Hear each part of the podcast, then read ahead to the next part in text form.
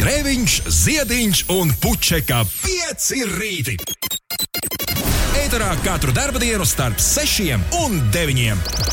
Lai teiktu mums visiem, labrīt! Labrīt, Rīga, labrīt, Latvija, labrīt, pasaulē! Desmit pār sešiem.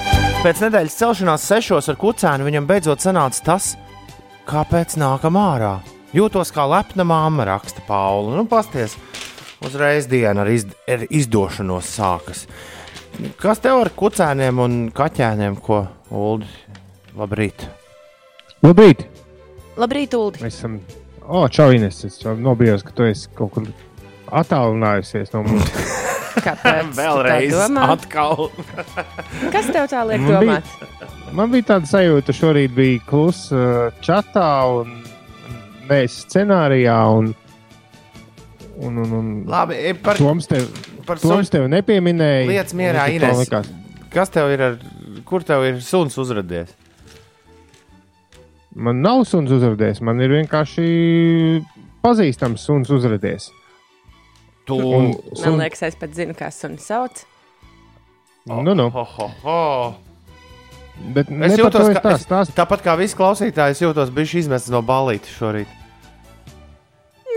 Nu, Jā. ne viss tev ir arī jāzina. Kā izrādās.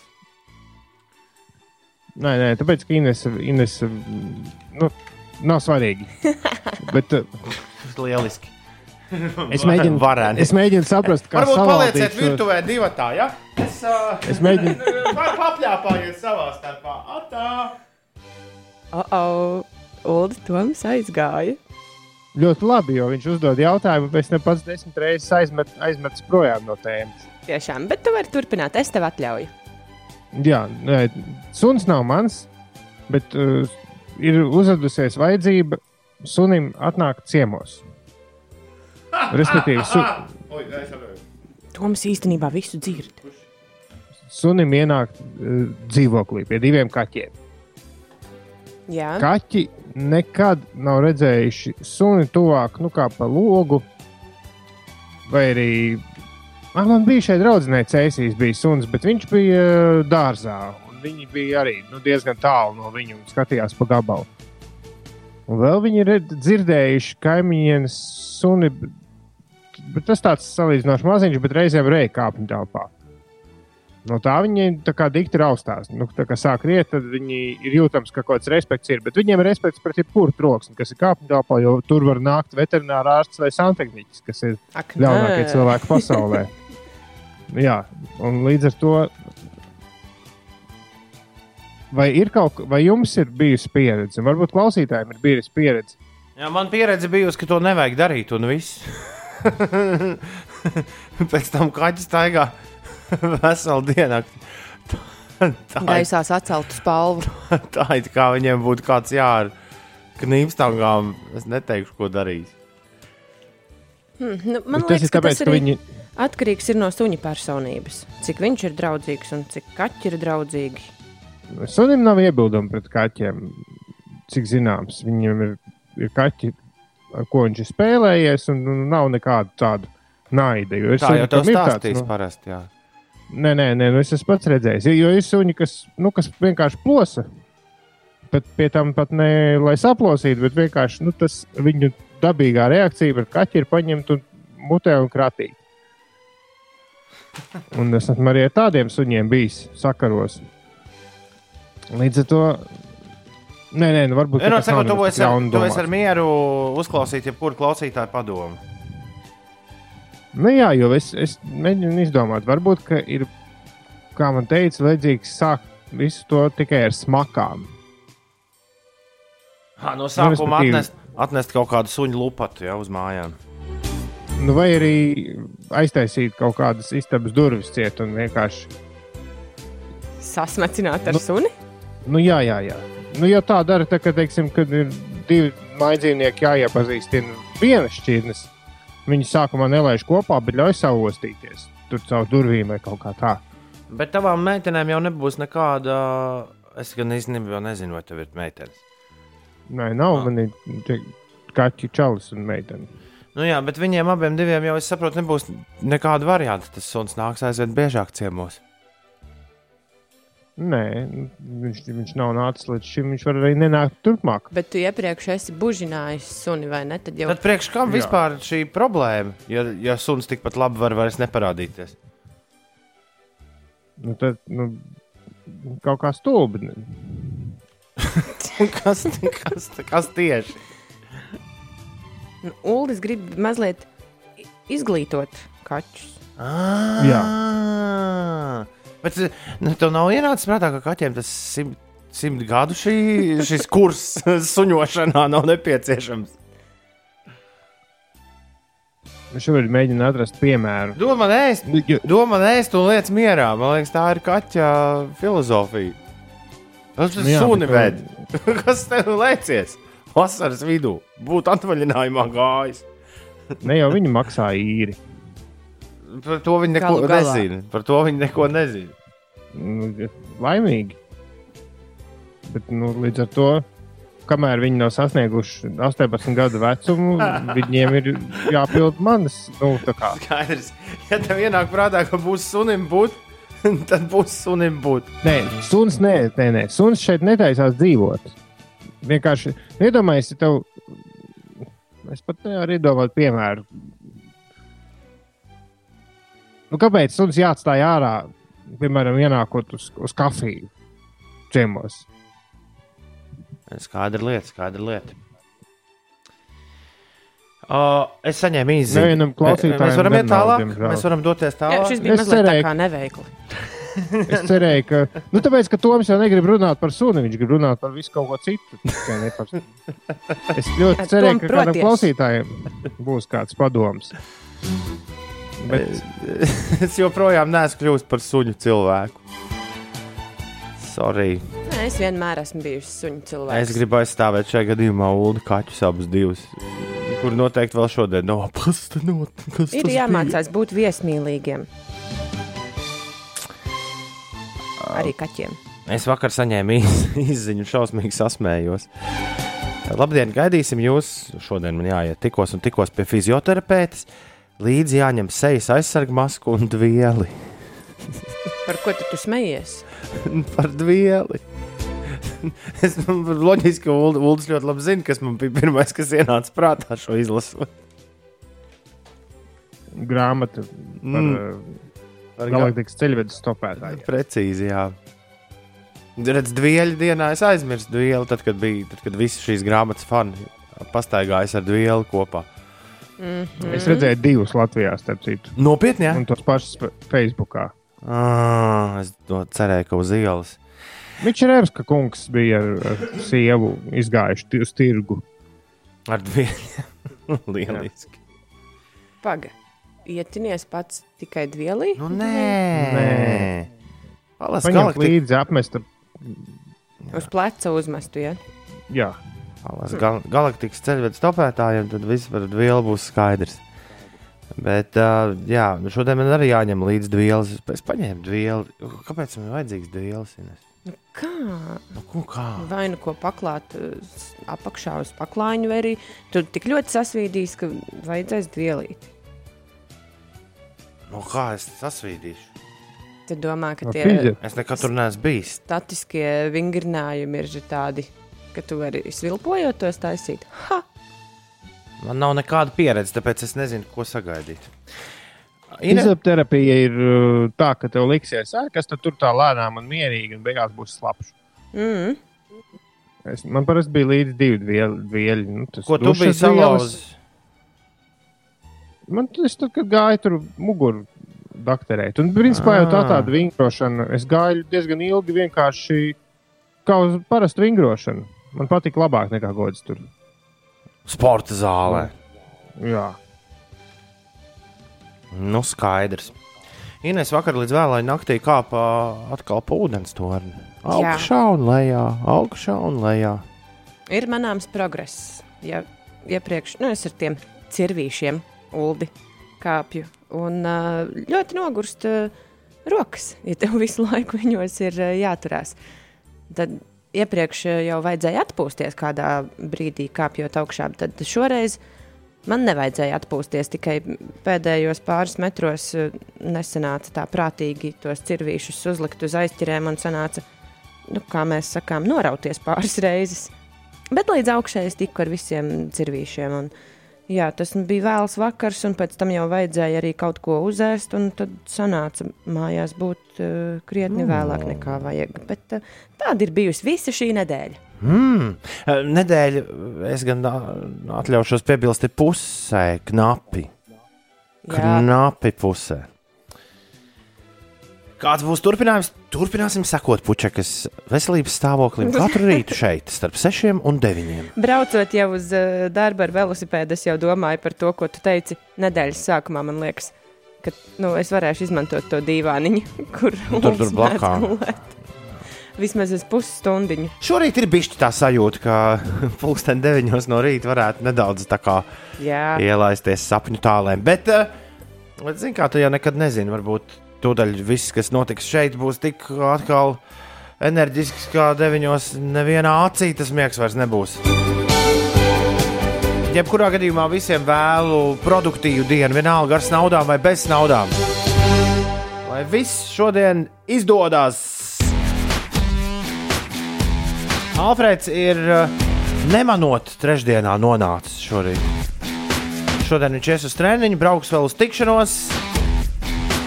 Un Alfrēds grib zināt, vai mēs viņu uzaicināsim uz festivālu. Ņemot vērā Alfrēdu, ka plosās aiz loga viens tāds vīrus, kas ir apstādinājis visu planētu. Balītē, diemžēl, ļoti, nu, festivālā ļoti limitēts cilvēku skaits ir pieļaujams. Tā kā divi kaķi nabaga sunim virsū man nulles un Ines metas, ka es pirms uh, sāku Metju Belamijas dziedāt, nesmu korekti Alfredam atbildējis. Nu, jā. Aicināt uz mūsu festivālu ir pilnīgi visi. Tiesa, neklātienē. Jā, pie radioaparāta tas ir viens, bet, uh, bet jā, nekādu viesu vispār nebūs. Mēs vienkārši festivāla atmosfērā būsim uzbūvējuši. Nē, man liekas, ka Ines, tomēr Ines pieeja ir pareizāka. Nav tāds nebūs vai būs. Aizmirst par to klātieni. Nu, jā, bet kā, tad jau mēs varējām tepat no mūsu studijas visu laist. Nu, bet tur jau tā lieta. Tur jau tas aizskats, bet mēs Bet to mēs, nedarām. bet mēs studiju ar visiem drošības noteikumiem, kāda ir studijā, gandrīz uzbūvēsim citur. Brīvā dabā. Jā. Kur acīm redzot, mēs ā, vienīgo reizi šovasar varēsim satikties arī visi trijotā no rīta. Juhu! Es gaidu no jums festivāla stāstus visu trīs stundu garumā. Un nesakiet iepriekš, ka neesmu brīdinājis. Ņemot vērā, ka es nu, Tu esi bijis pusotrā festivālā. mēģināju atrast, un neatradu sev nevienu festivāla bildi. Mm, Es arī neesmu atradusi nevienu festivāla bildi. Ja arī tādas ir, tad tajās es esmu pārāk jauna. Ā, man bija. Nevar, vai tad, nu, beidz. Es biju Tu joprojām esi pārāk. Nē, es joprojām esmu jauna. Es uh, vienu dienu stundām iegrimu, zinu, kas ir žilotons un kasetes. stundām iegrimu bilžu galerijās, skatoties savus festivāla bildes. Es parādīšu Inesai smieklīgāko, kur es atradu. To neviens nav redzējis. Pareizāk sakot, viņi man šķiet ir manā Instagramā, bet kā manā Instagramā ir tūkstošiem bilžu, tad nu, to tiešām var droši teikt, ka neviens nav redzējis. Bet, jā, tas izvērtās par ceļojumu. Uh, Kādās atmiņās. Un tad, kad es biju izskatījis, kas man, kas man bija Instagramā, es sapratu, ka pārāk, tur tomēr pārāk nesena pagātne. Es atcerējos savu draugiem LV paroli un devos festivāla bildes medīt tur. Tev vēl ir profils tur, ja? Jā, tur ir. Tas ir viens no galvenajiem iemesliem, kāpēc viņu nevajag dzēst ārā. Jo uh, tur ir iekšā ļoti foršas, foršas bildītas saliktas.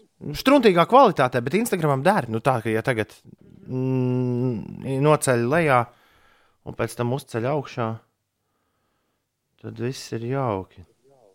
Es neesmu nemaz bijusi tik daudzos festivālos, Šis ir varētu. lai man būtu fotografija. Tev ir interesanti paskatīt cepura galvā. Vai kas tas Visi, visi kopā. Mazliet džemperīts un cepurīts. Domam, ir ziemas cepura vasarā uzvilkta galvā. Un Tas uh, Hurricane festivālā Vācijā 2012. gada 25. jūnijā. Tā es Jānīšu svinēju. Nu, jā, neizskatās, ka tas būtu bijis vakar tiešām. Paldies! es varu kaut kur Twitterī ielikt, tad pieci rītu ulu šo bildīti. Droši. Lai visi var, ap, lai visi var apstīties, kā tas bija. Es gan to nevaru tagad, nu, nu, nav tās multitasking, kāds ir Ulim. Es to nevaru izdarīt tieši tagad. Es to varu izdarīt tad, kad skanēs rīņķa dēļ, krievu rulēt. Bet uh, tagad man jāstāsta par to, kāds laiks ir gaidāms uh, šodien. Today very lucky. Congratulations me! Yay! Čūdi bija laki, laki!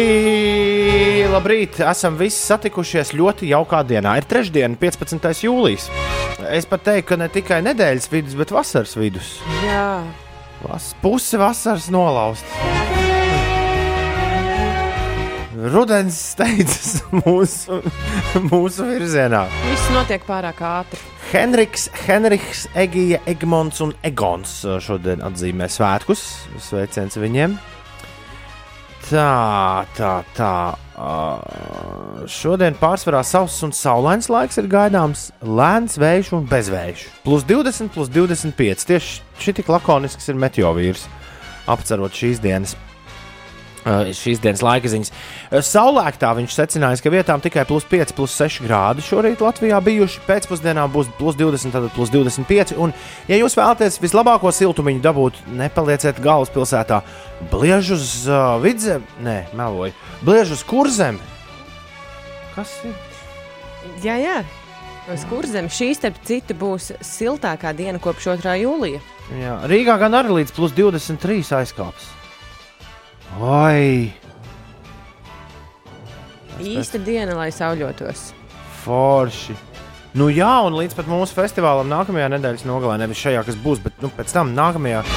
Neviena lietus lāsa nerādās Oi, Rīgas.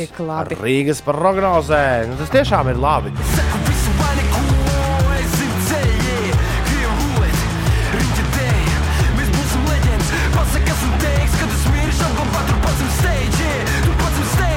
Tur pats ir steigts, jāapglabā Rolands Čē, tad, kad viņš mirs. Tā viņš saka šajā dziesmā. Un uh, Ulim viņa arī likās, ka šī dziesma ir noskanējusi jau iepriekš raidījumā, lai arī kā mēs ar Inês mēģinājām viņu pierunāt par pretējo. Un tad Jā, un es vēl tīnu arhīvā pēc tam pirms himnas, domāju, varbūt tur kaut kādu gabaliņu esat dzirdējis un nav. Un es sapratu, ka man ir Jā, pilnīgi izmeklēšana. Tu pilnīgi izmeklēšanu veids. Neticami. Un tad vakar tu uh, saprati, kur bija tavs, uh, kur bija tava alošanās notikusies. Jā, pēkšņi klausoties 5LV pēc mūsu raidījuma, mums ir tāda jauna jingliņa sataisīta. Nu, jau bija Pieci.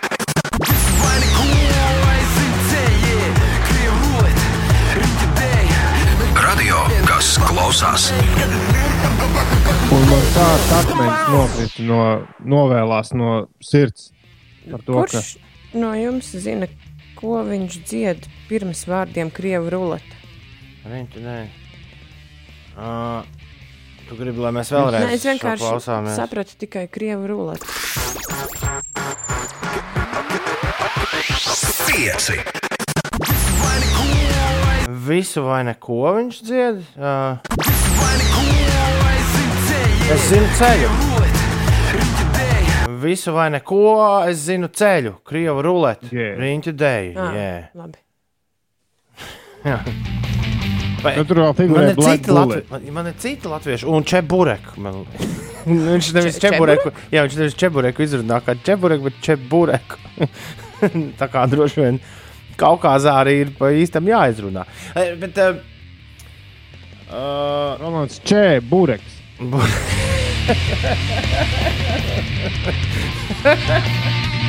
Nē, mēs īstenībā labi varam saprast, ko Rolands Čē skaita. Man ar citiem dažiem latviešu reperiem nerādīšu, pirkstiem ir mēdz būt problēmas, ka es vienkārši nesaprotu, ko viņi runā.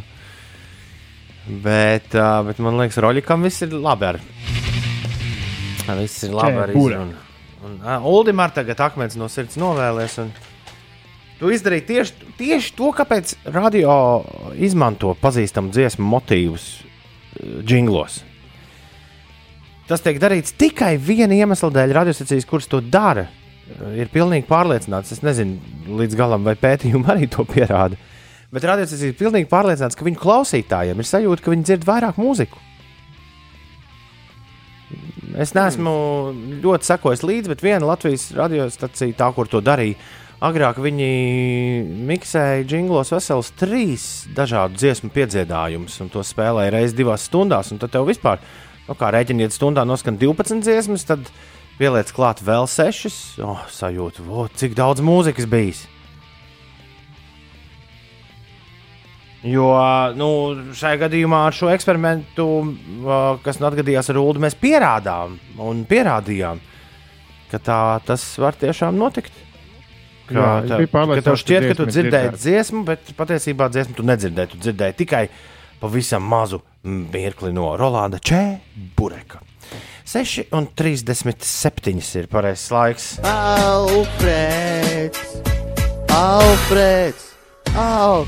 Alfrēds ir kaut ko oriģinālu beidzot uzrakstījis. Viņš ir uh, par tavu suņa un kaķu dzīvi kopā atrakstījis. Labrīt, sadzīvojam visi kopā. Oh, ne, tas ir Aldis. Kā es varēju?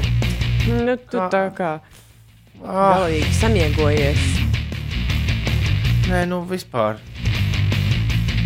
Es vairs neatšķiru Ulu. Ar mani ir tā, ka es neatšķiru, kur rakstīts Alfrēds, kur rakstīts Aldis. Man tā man tiešām kā pārsteigums likās, ka Alfrēds ir uh, mūs pārsteidzis nesagatavotus. Bet tas ir Aldis, kurš raksta sadzīvojam visi kopā draudzīgi. Es, divi kaķi un vilku meitene. Katrs ienāca savā laikā, un jebkura draudzība sākas ar iepazīšanos, pakāpenisku u, draudzību. Un tagad visi jau ēdam kopā brokastis, katram savs. Man manā putra un kafija. Lai jums laba diena! Paldies, Aldi! Un piedod, ka es tev noturēju par Alfredu. Bet tajā pašā laikā Iveta no ērgļiem pilnīgi visu noslauka ar roku no galda. Tas nekad nenotiks, tāpēc jau ir teiciens, ka dzīvo kā suns ar kaķi. Jā, un uh, kaķis tāpat parādīs drīz, ka viņi ir saimnieki un suns ir.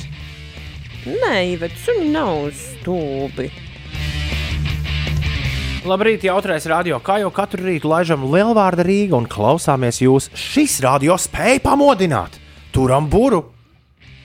Pafka gunis, jau to raksta.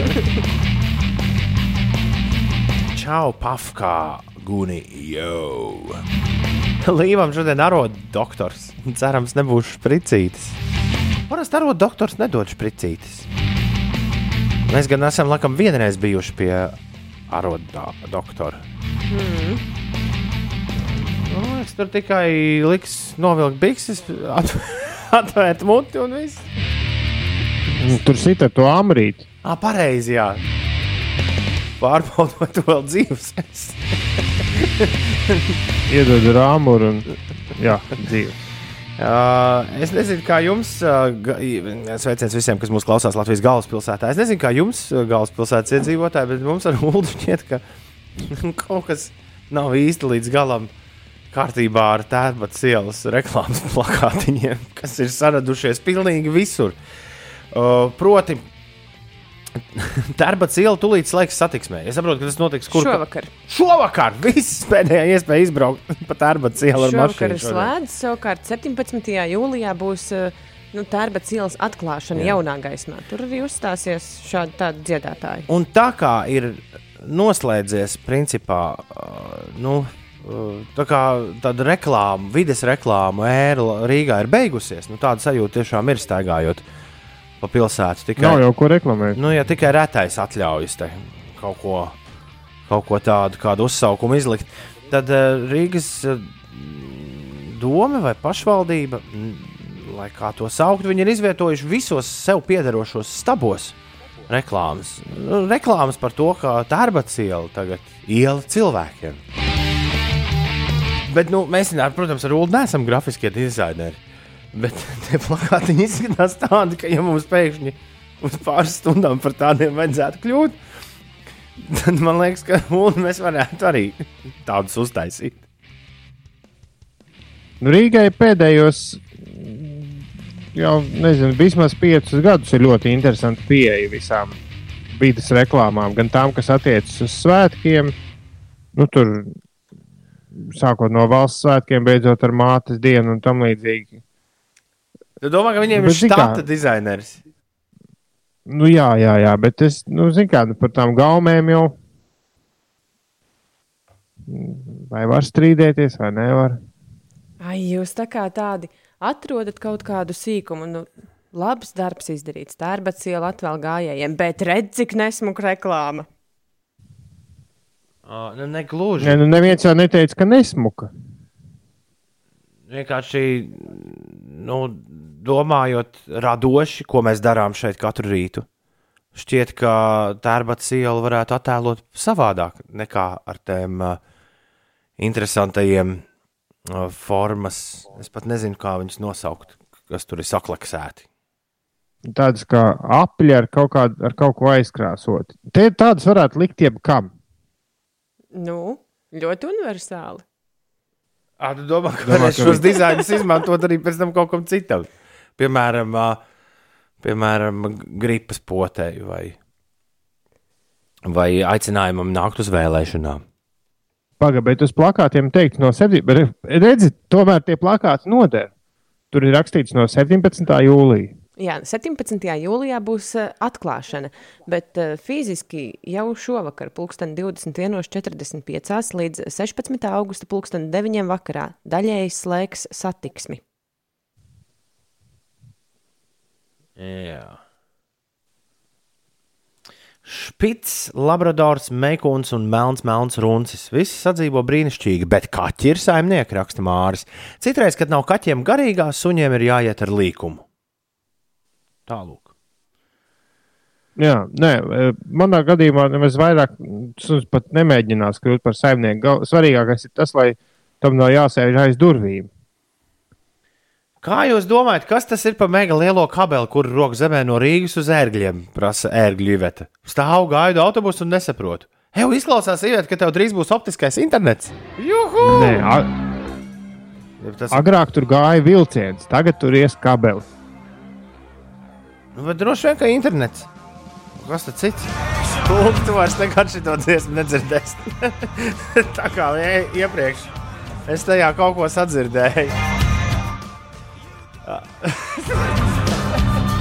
Nu, tad, kad tu to vienreiz sadzirdi, tad pēc tam tu to dzirdi visu laiku. Uh, Viņš zina, par ko dziedāt. Viņš dzied, Nu? jūtama nēšana. Jā, jā, jūtama nēšana. Uh, paklausies. Jūtama nēšana. Jūtama nēšana. Tagad tu dziedi.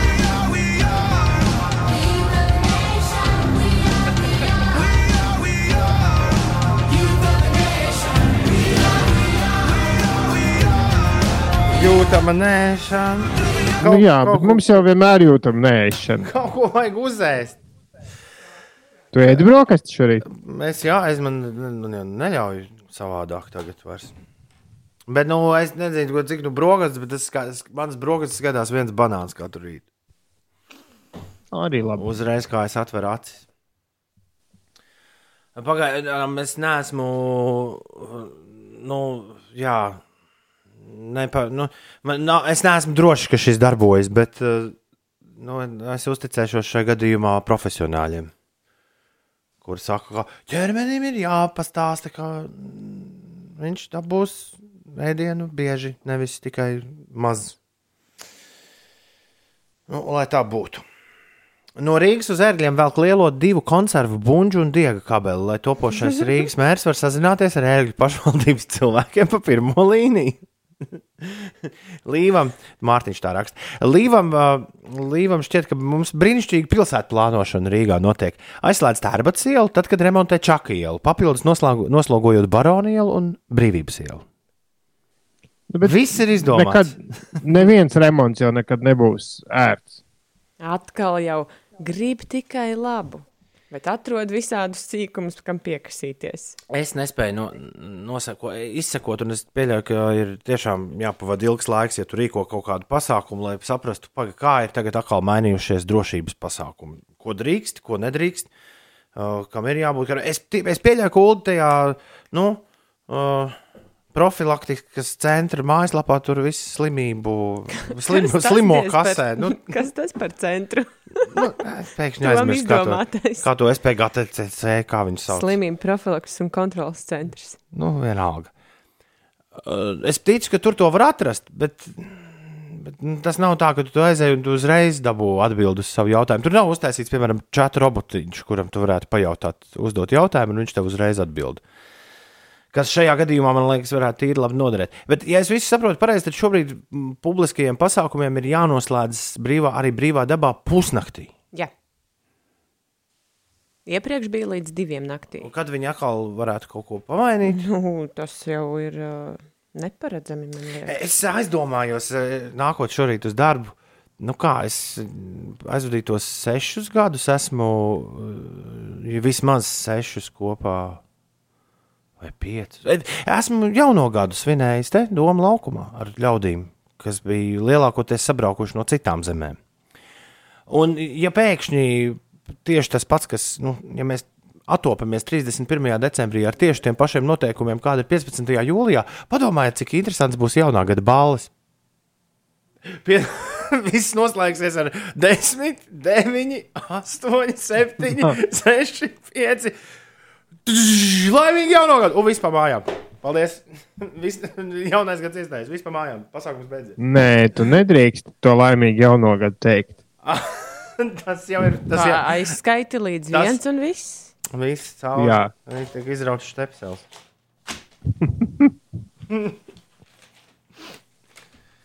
Gan jau, ka viņi iedod tikai uz to nakti, nu, atļauju vēl pa pusstundu pagarināt. Vai jāsvin pēc kādas citas valsts laika? Citas Vai pēc zonas. cita kalendāra. Tas vēl, vēl labāk. Sameklēsim jums nākamo iespējamo jauno gadu. Kāpēc ne?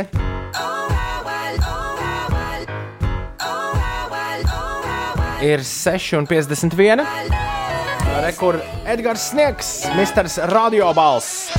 Misters Sniegs, Misters Radio balss, Misters Ziema, Misters Sasilda dāmām, kad sals ir bijis sliktāks laiks un cukurs līp man svaigs, bet zini vienīgais, ko saku jums, super duper nice. Man liekas, ka Ines pirmo reizi dzirdēja Edgars Sniegu.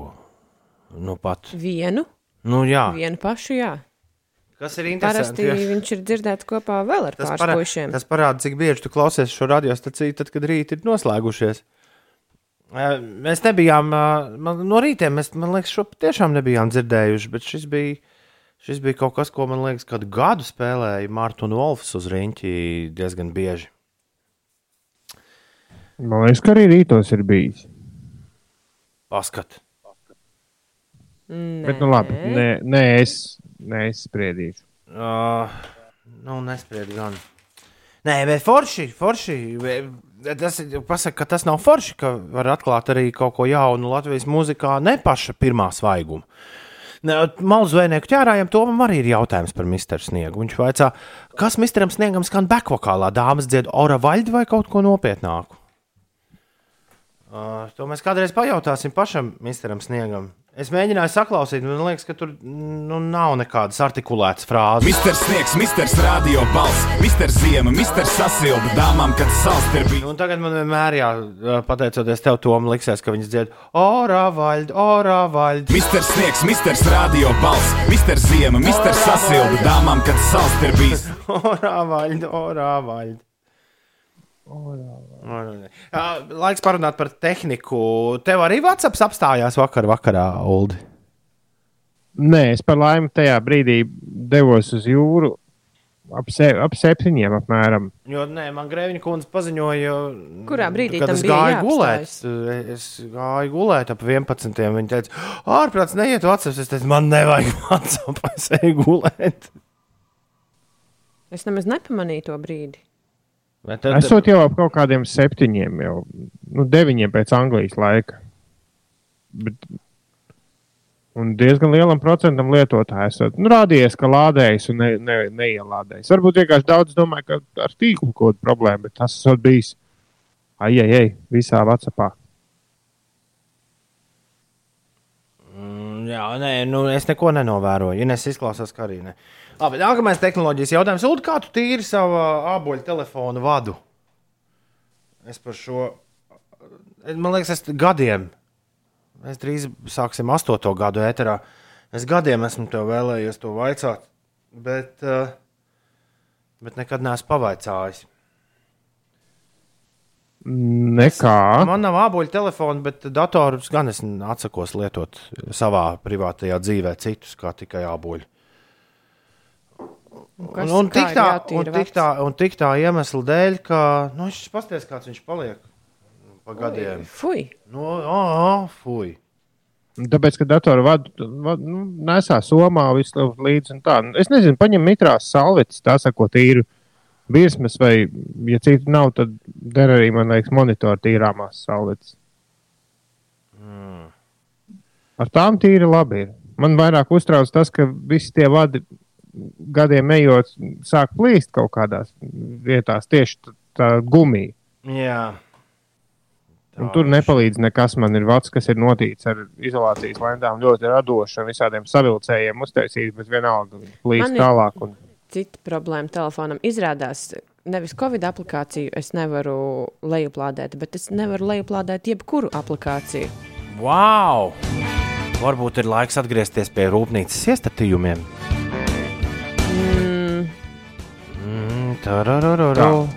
Meklēju, kā ielādēt aplikāciju jebkuru. Jā, ir kaut ko es esmu nejauši saspaidījusi, un es vairs nesaprotu īsti, ko. Es nejauši izdzēsu visu multivideo WhatsApp un arī Instagramā. Jā, visi jūt, jūsu, sūtītē, jūsu sūtītās smieklīgās visi bildītes ir plik- izdzēstas. plikbildes, visi, visi plikņi ir pazuduši. Par laimi šķiet, ka Jā. pirms redzēšanas. Jā, paldies, paldies Naurim, kas pielaboja, ka 9 pēc Anglijas laika ir 11. Nu, Latvijā. tieši, tieši tad, kad es gāju, gāju gultā, man teica, man neiet WhatsApp.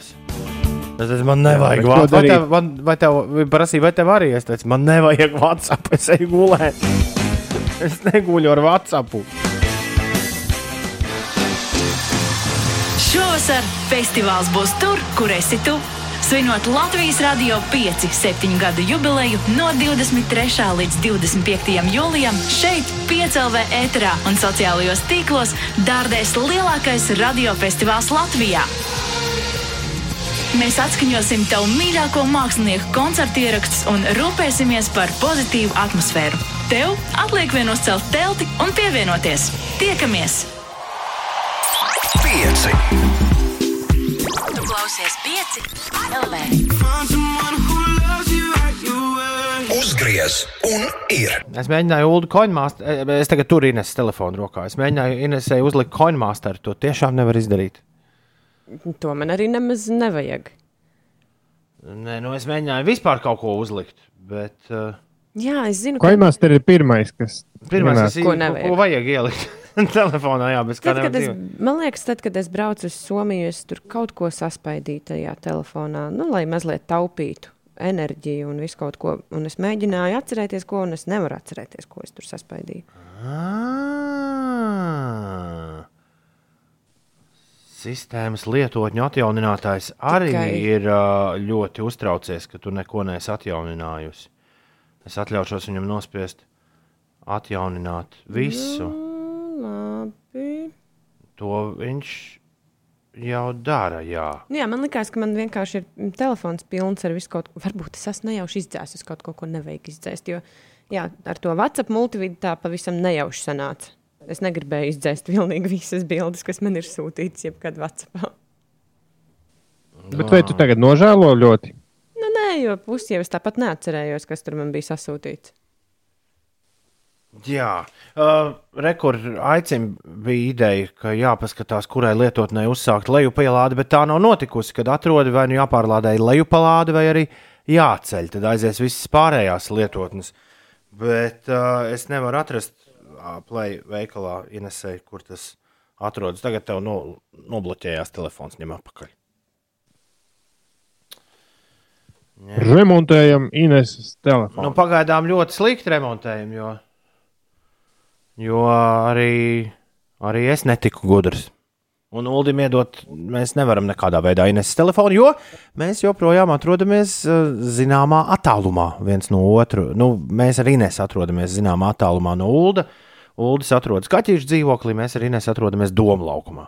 Un nākamā nedēļa Uldis atradīsies šeit, Ines atradīsies Kaķīšu, ne, Ruķīšu dzīvoklī, un tad piekdien mēs visi satiksimies pie CLV festivālā no rīta.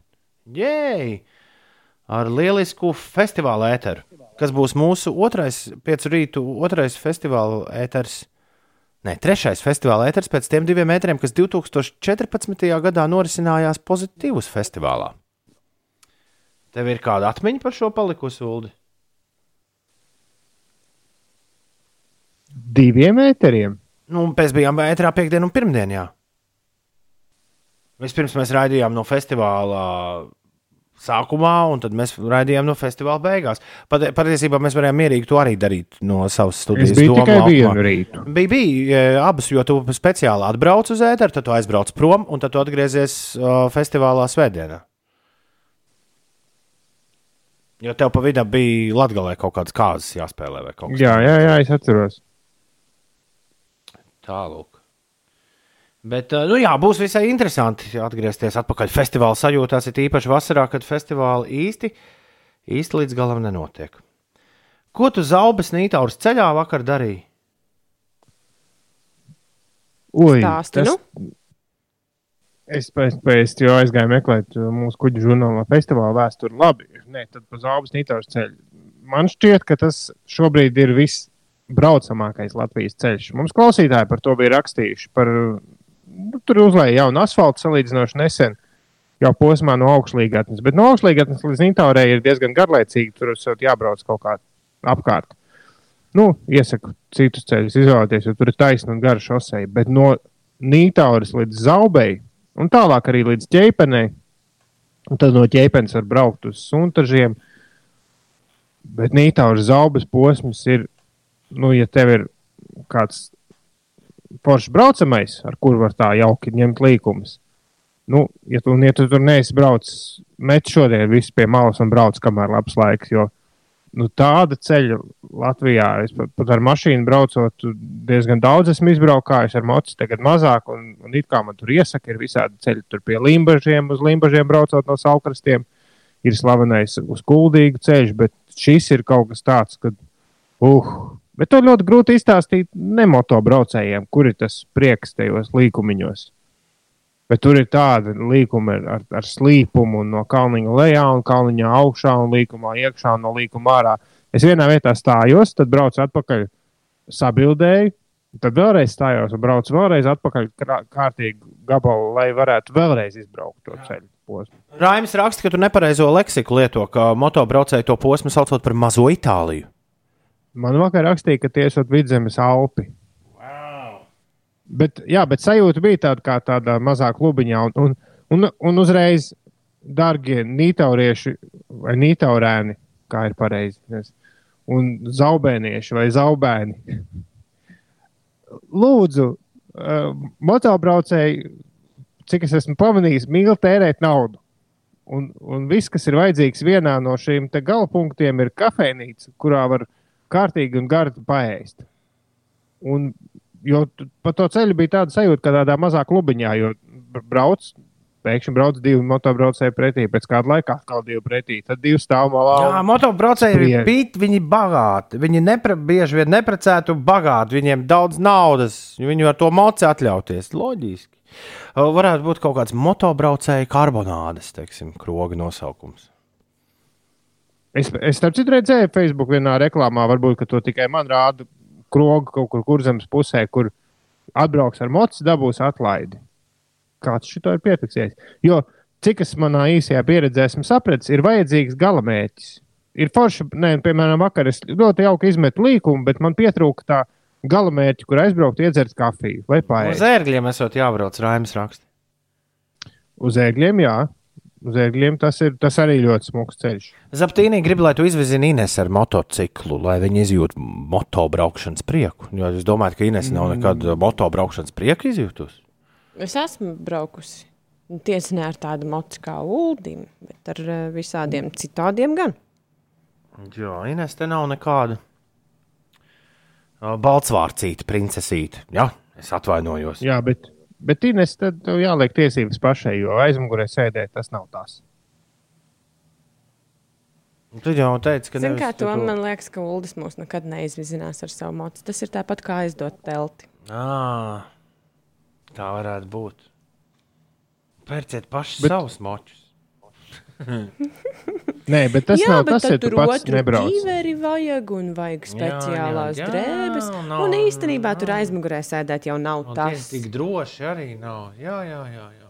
Lielais guņš vēl raksta, jau, ka tādu jums arī būtu jāmāk, uh, jāmāk uzvesties, nu, tur, uz kuru pusi liekties vai neliekties, vai ko nedarīt. Aizmugurē sēdēt nav nemaz tik vienkārši. Man vienreiz gribēja ar mocu vest no Rīgas uz Raunu pirms miljonus gadu.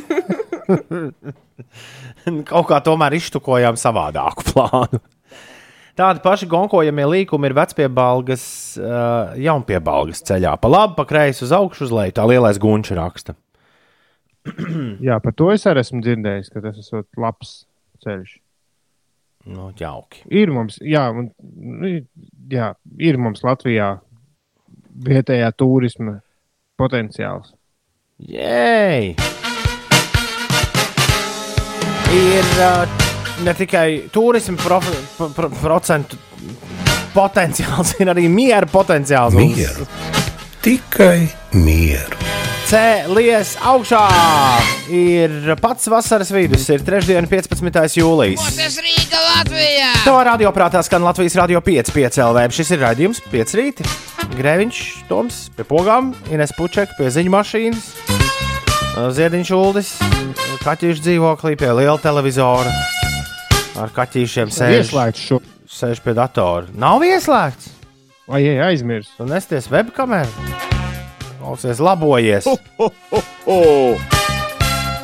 Tā, šodien šķirsim nu kalendāru un sveiksim visus, kuri eh, šajā dienā pelnījuši tikt apsveikti. Sveiciens vārdu svētkos Henrikam, Henriham, Egijai, Egmontam un Egonam. Nu, tik daudz te salikt šajā dienā, ka katram būs vismaz pārīts, ko sveikt. Vēlreiz atkārtošu Henriks, Henriks, Egija, Egmonts un Egons svin uh, vārda dienas uh, sveiciens viņiem.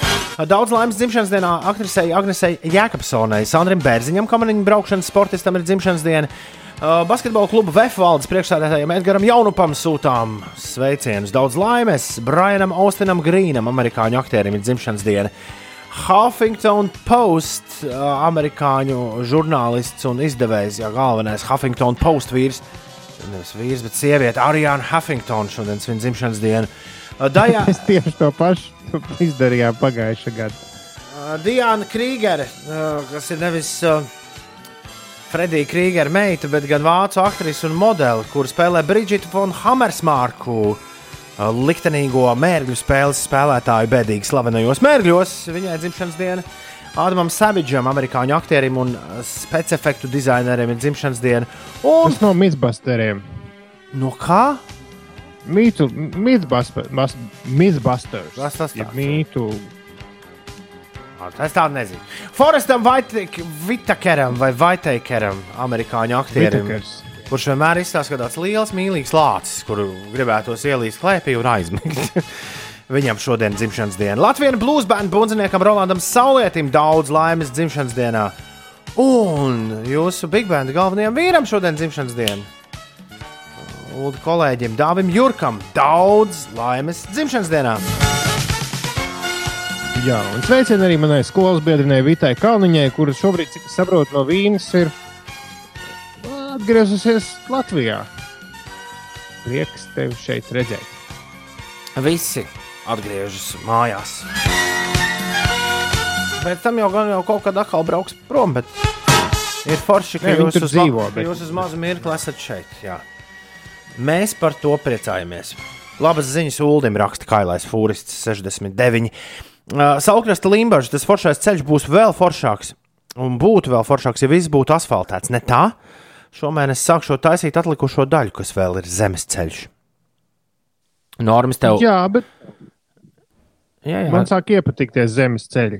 Tādi bez, bez tās saucamās, nu, bez tās redeles. Normas tev iesaka izmēģināt ceļu uz Munameģi un Ligzdas torni Igaunijā. Jā, Igaunijas ceļa slavena arī tur ir forši. Un tad kāds saka, ka priekš gala mērķi dara skatu tornis starp Taurupu un Meņģeli ar skatu uz Ogres upes ielais dabas parku. Šitā izklaus... Nu jā, te ir- izklausās, ka Ulu mēs kādu laiku neredzēsim Rīgā vispār. Tik braukās apkārt, braukās vien. Jā, un tad ir diskusija par to, ka ērgļu ceļš esot uh, vēl skaistāks. Es kā nu, ērgļu ārkārtīgs patriots, jo man vecmāmiņa ir ērglēnieta un tēvs no ērgļiem, un, un ar ērgļiem visu bērnību saistīta. Bet, bet tomēr jāsaka, ka braukšanai zaubas nītauras posms ir uh, bišķi jautrāks. Jē, 7,25. Ines, kas notiek? Beidzot, kas notiek? Nu, pastāst beidzot. Jā, nu, lūk, no šodienas eh, līdz pat 16. augustam būs eh, satiksmē daļēji slēgta tērbatas iela. To atvēlēs gājējiem, tirgotājiem, kā arī kultūras pasākumiem. 17. jūlijā vakarā tērbatas ielas svētkus ieskandinās Carnival Youth eh, koncerts. Vēl šodien atklāja kampaņu Mana jūra. Tās laikā notiks Baltijas jūra piesārņojošo atkritumu monitorings. Šī kampaņa notiks līdz 14. augustam, un tajā aicināti piedalīties cilvēki, kas nebaidās iepazīt Latvijas piejūras skarbumu un skaistumu, atklāt atkritumu problēmas piekrastē un pavadīt savu brīvo laiku, katru dienu mērojot vairāku kilometru eh, gājienu. Kampaņas mērķis ir apvienot Latvijas sabiedrību, iedzīvotājus, pašvaldības eh, kopīgiem centieniem aizsargāt piekrasti un Baltijas jūru. Arī katru gadu pēc šīs kampaņas eh, tiek publiskoti dati par jūru piesārņojošo atkritumu situāciju Latvijas piekrastē. Vēl dabas muzejā no šodienas līdz 19. jūlijam norisināsies gadskārtējā rožu izstāde. Šogad šī ir pirmā ziedu izstāde, kas tiek rīkota dabas muzejā pēc ārkārtējās situācijas beigām.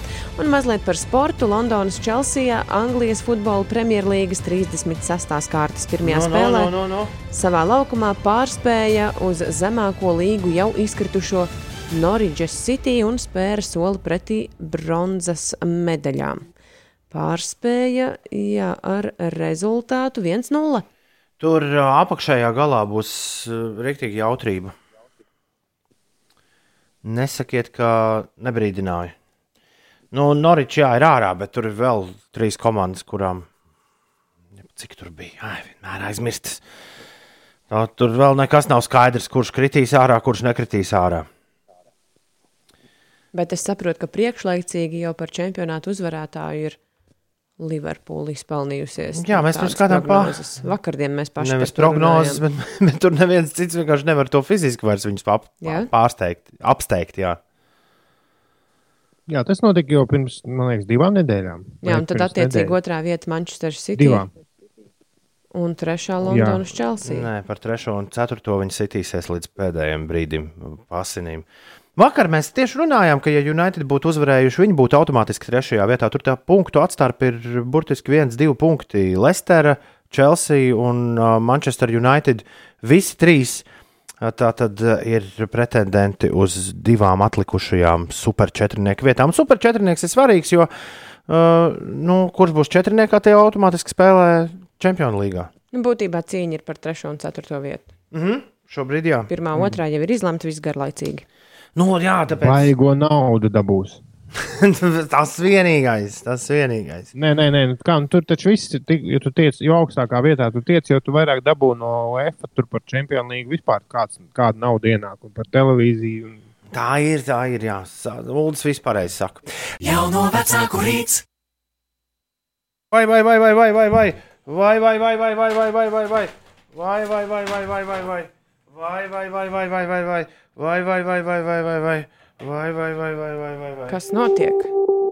kas tur viss kārtībā?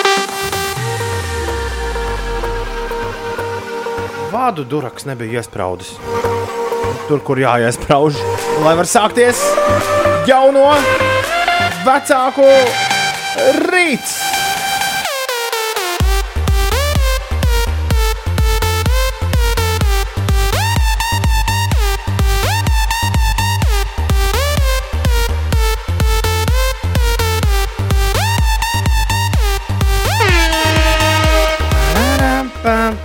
Va, va.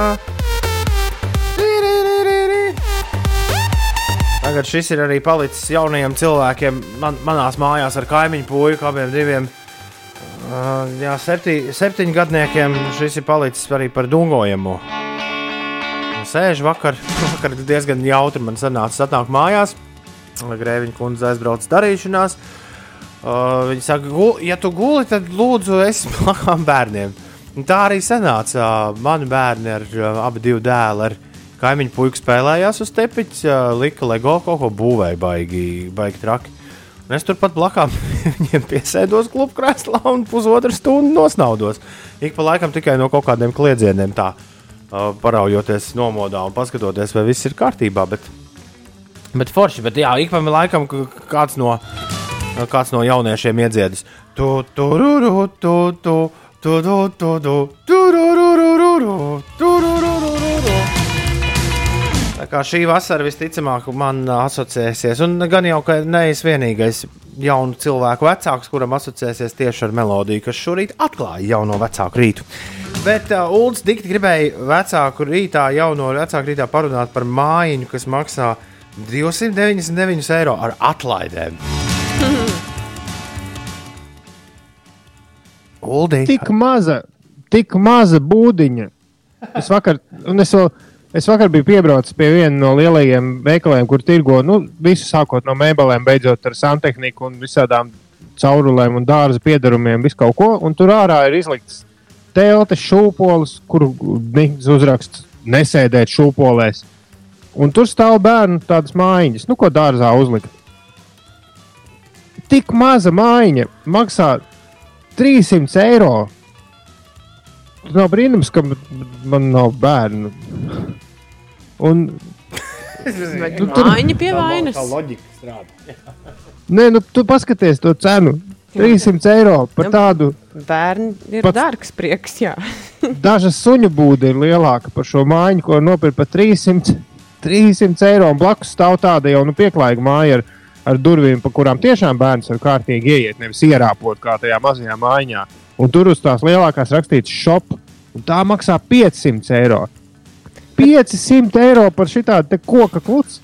Bet, klausies, nu, taču pats uztaisījām. Mēs uztaisījām, mēs uztaisījām tādu dārza māju paši. Sas, nu, es, ne- es gan viņu nesaucu par māju. Mēs dēļus salikām visu, visu kaut kur un, un tas ir tas sastiepām galdus un vēl visu kaut ko izdarījām. Tieši tas, ka jūs paši uztaisāt nu, kopā.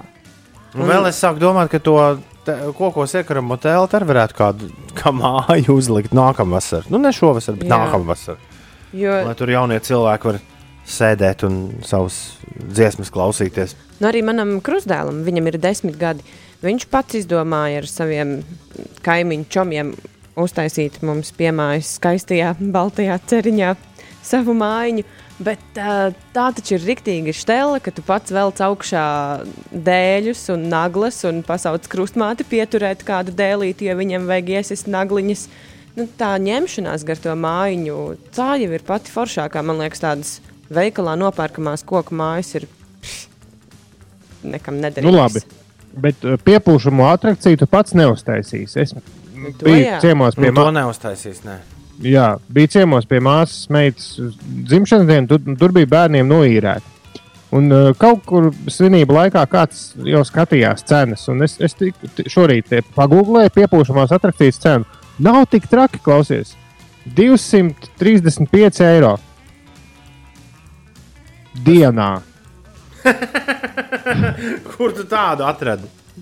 Tā, tur var, tā ir uh, iznomājama super liela piepūšama Es, ne, atrakcija. es nu, nekad tas arī- neesmu vairāk par uh, simtu maksājis, bet uh, nu, tas ir. Nē, šī ir kārtīgi. Čet, 14 metrus gara. Tur jāpameklē vēl dārsts, kur tāda Jā, var bet nolikt. atcerieties, uh, tad, kad mēs sākām strādāt, mēs arī esam bijuši liecinieki tam, ka neatceros vairs, kurā valstī viena tāda atrakcija aizgāja arī pa gaisu. Man liekas, ka ar ļoti letālām sekām. Uh, nu, līdz ar to piepūšamo atrakciju milzīgi nemaz nav nepieciešams nevienam vecuma bērniem. Vajag tā, Nu, lai nu mierīgi var, var palēkāt. Jo Nu, piepūšamā atrakcija jau nu, šāds viens skaļš gadījums, man liekas, nav salīdzināms ar ikdienas batu traumām. Ja mēs, jā, par piepūšanu atrakciju runājot, jā, man liekas, ka tā ir apmēram simt. Bet, saprot, nu, nav jēga viņu pirkt. Es, tu, nu, jo viņi Ja, ja apniks. vēlaties nopirkt, tad Nu, viņi viņi apniks. Nu, šitā te tu Nu, vari reizi gadā uz, dzim, teiksim, uz dzimšanas dienas svinībām. Tu paņem piepūšanu atrakciju. Nu, viņa katru reizi ir taisnība. savādāka. taisnība. Jo rekurors atrada pārdod tādu nu, nepārāk lielu izmēru. Tāda pils maksā 2,5 tūkstoši. Tas nozīmē, ka, ja tu ņem īrē reizi gadā pa simtu, tu līdz 25 gadu vecumam varēsi puikam to pili likt katru gadu. Okay. Klau, uh, Ulim ir viena nopietna ziņa. Izskatās, ka pandēmijas laikā ļaudis ir vienu lietu aizmirsuši darīt. Jā, Nē, šim nav saistība īsti ar pandēmiju. Ah, kāpēc? Bet- Kā nav? Nu, nav, tas ir uh, globāls process, kas ir sācies jau sen un nav, nav īsti saistīts ar pandēmiju. Skaidrs, ka pandēmija kaut kādas korekcijas ieviesīs, bet ne, ne tik nopietni. Uh, BBC ir publicējis uh, pētījumu datus. Ļoti sveiks raksts, 4 stundas, uh, pirms 4 stundām publicēts. Un daži apgalvojumi nu, tieši par bērniem man ļoti pārsteidz. Izrādās, ka 1950. gadā vidēji vienai sievietei bija 4,7 bērni. Nu, vidēji uz visu pasauli rēķinot. Šobrīd šis numurs ir samazinājies divas reizes. Un uh, 2017. gadā bija 2,4 bērni vidēji uz vienu sievieti pasaulē. Un prognozes ir, ka līdz 2100. gadam ir cilvēki, kas šo dzird un kas to piedzīvos. Uh, Šis cipars nokritīs līdz 1,7 bērniem uz vienu sievieti, kas nozīmē, ka, ka nevis mēs augam geometriskā progresijā vai aritmētiskā, kā tur sanāk, bet uh, pamazām cilvēku skaits no, sākot no 64. gada. Te ir zinātnieki izpētījuši, no 64. gada varētu sākt kristies. Nu, kā tur bija viena brīdi, viņš aizies līdz maksimumam, un tad uz leju. Jā, tā tur Jā, bet tra- jau kaut kur dzirdēts. Bija. Bet trakākais ir tas, kādas, kādas viņi prognozē dažām valstīm uh, iedzīvotāju izmaiņas. Ja Japānā šobrīd ir virs 128 miljoniem, tad uh, līdz gadsimta beigām Japānā varētu dzīvot 53 miljoni. Tātad vairāk nekā uz pusi mazāk. Un arī Itālijā prognozēja samazinājumu no 61 miljonu līdz 28 miljoniem līdz gadsimta beigām.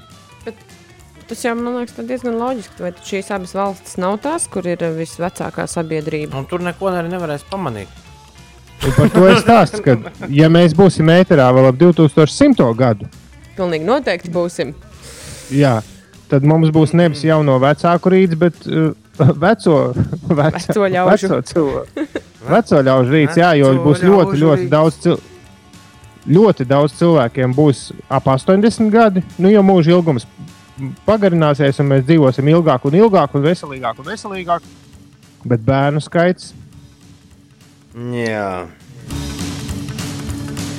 tā kā Tāpēc- mēs tāpēc- varbūt Tāpēc nu, uh, dižģimenes svinēsim visi. Nu, jo tās šo statistiku nu, paildzina. Vai tos ulu tumšos um, jā, ciparus padara nedaudz gaišākus. Vai kaut kā tā. Es drīkstu ar Jā. šādu notu noslēgt jauno vecāku rītu. Nē, nu, ja kāds mums klausās, kāds pāris, kas vēl nav vecāks, varbūt metam visu pie malas.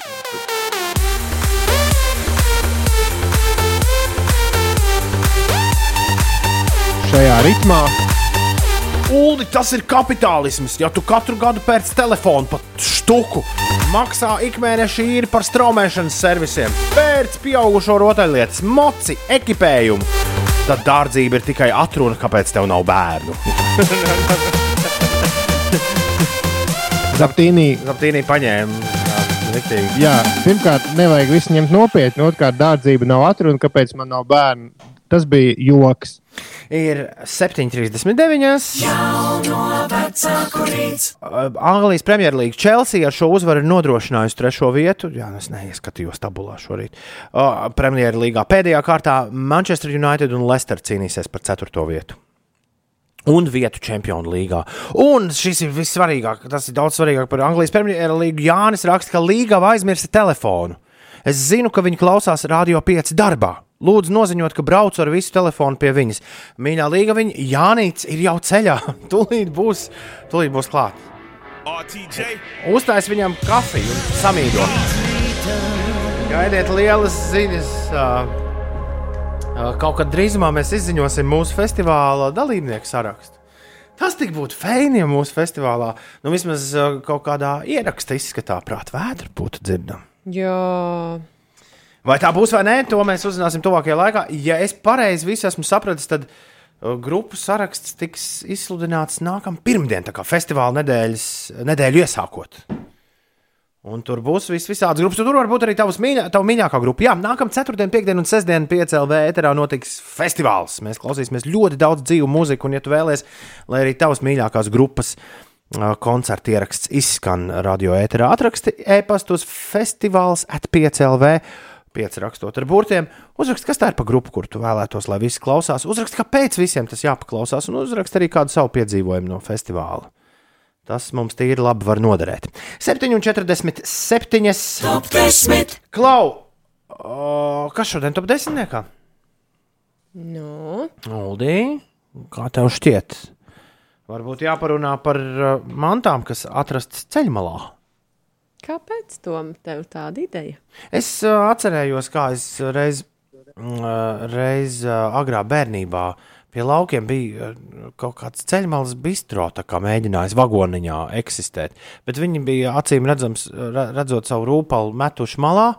Un viņi bija atstājuši milzīgu izkārni, kuras bija ļoti garda desa uzzīmēta. Viņi viņu atstājuši krūmos. Un es vienmēr ejot garām, domāju, cik tas būtu forši šitos savākt. Un... Bet es zinu, kā ir laukos. Tu jau nevari tā, nu, paņems, pēc tam atbrauks. Nu, pēc pāris dienām nu, ātri vien Visi atradīs. Nu, zina, nu, jā. jā, visi ātri atradīs, kurš to darīs. Bet es tētim visu laiku teicu, tēt, vajag aizējām pakaļ un atnesam šito, šito mājās. Es atcerējos arī savu atradumu ceļmalā. Tas bija pamatskolas laikā, kad mēs ar eh, kaimiņiem nācām mājās no skolas, un ceļmalā bija kartupeļmais. Un mēs domājām, nu, kā tas šitā laukos kartupeļmais ceļmalā mētāsies Jānis mājā. Nu, jā. Tā mēs apmēram 4. klases skolnieces stiepām mājās kartupeļmais. Jo, nu kā būs taču ko ēst, un gan jau mamma ar tēti priecāsies, izrādās kādam citam kaimiņam tas bija izkritis un pazudis, un tad nācās stiept atpakaļ to maisu, kur mēs viņu atradām. Mēs šodien top 10. vēlamies apkopot jūsu visu laiku visinteresantākos uh, atradumus ceļmalā. Ulu, tev arī kāds ir bijis? Ko tu ceļā malā? Nu, man nav, mēs-? T- Nē, man diemžēl pagaidām vēl tādu labu atradumu nav. Desas zīmējums un uh, kartupeļu Un maisis. Tas kartupeļu mums, tas mums arī nes. Bet kāda ir jūsu uh, interesantie atradumi, ko jūs esat ceļā malā pēkšņi uzgājuši? To mēs vēlamies šodien sakolekcionēt top 10. 293, 1202, 293, 1202 atsūti.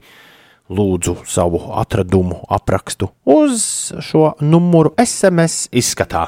Top 10. Top 10 būs visai drīz, bet tagad 7,49. Inesē jāstāsta, kas notiek. Jā, mazliet paturpinot par ceļiem un ceļmalām. Vakar braucu pa Jālgavas šoseju tiesa Rīga Jālgava virzienā un pie Olainas sastrēguma gan nebija, bet novēroju, ka jā, tur notiek rosība un notiek remontdarbi.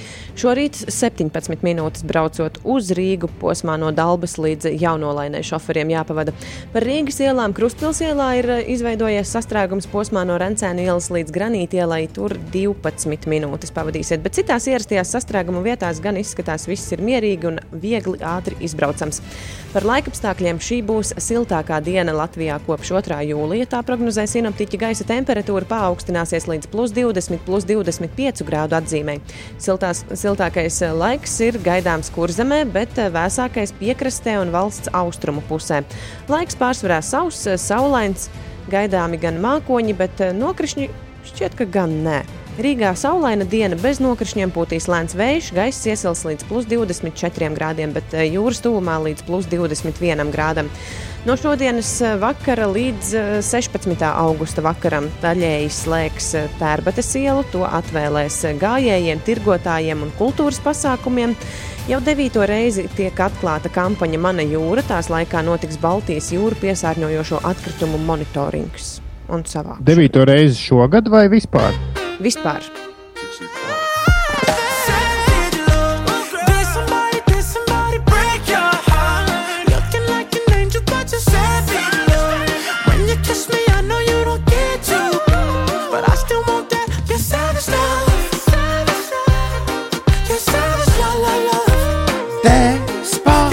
Despacito, ven rico, ven con Puerto Rico.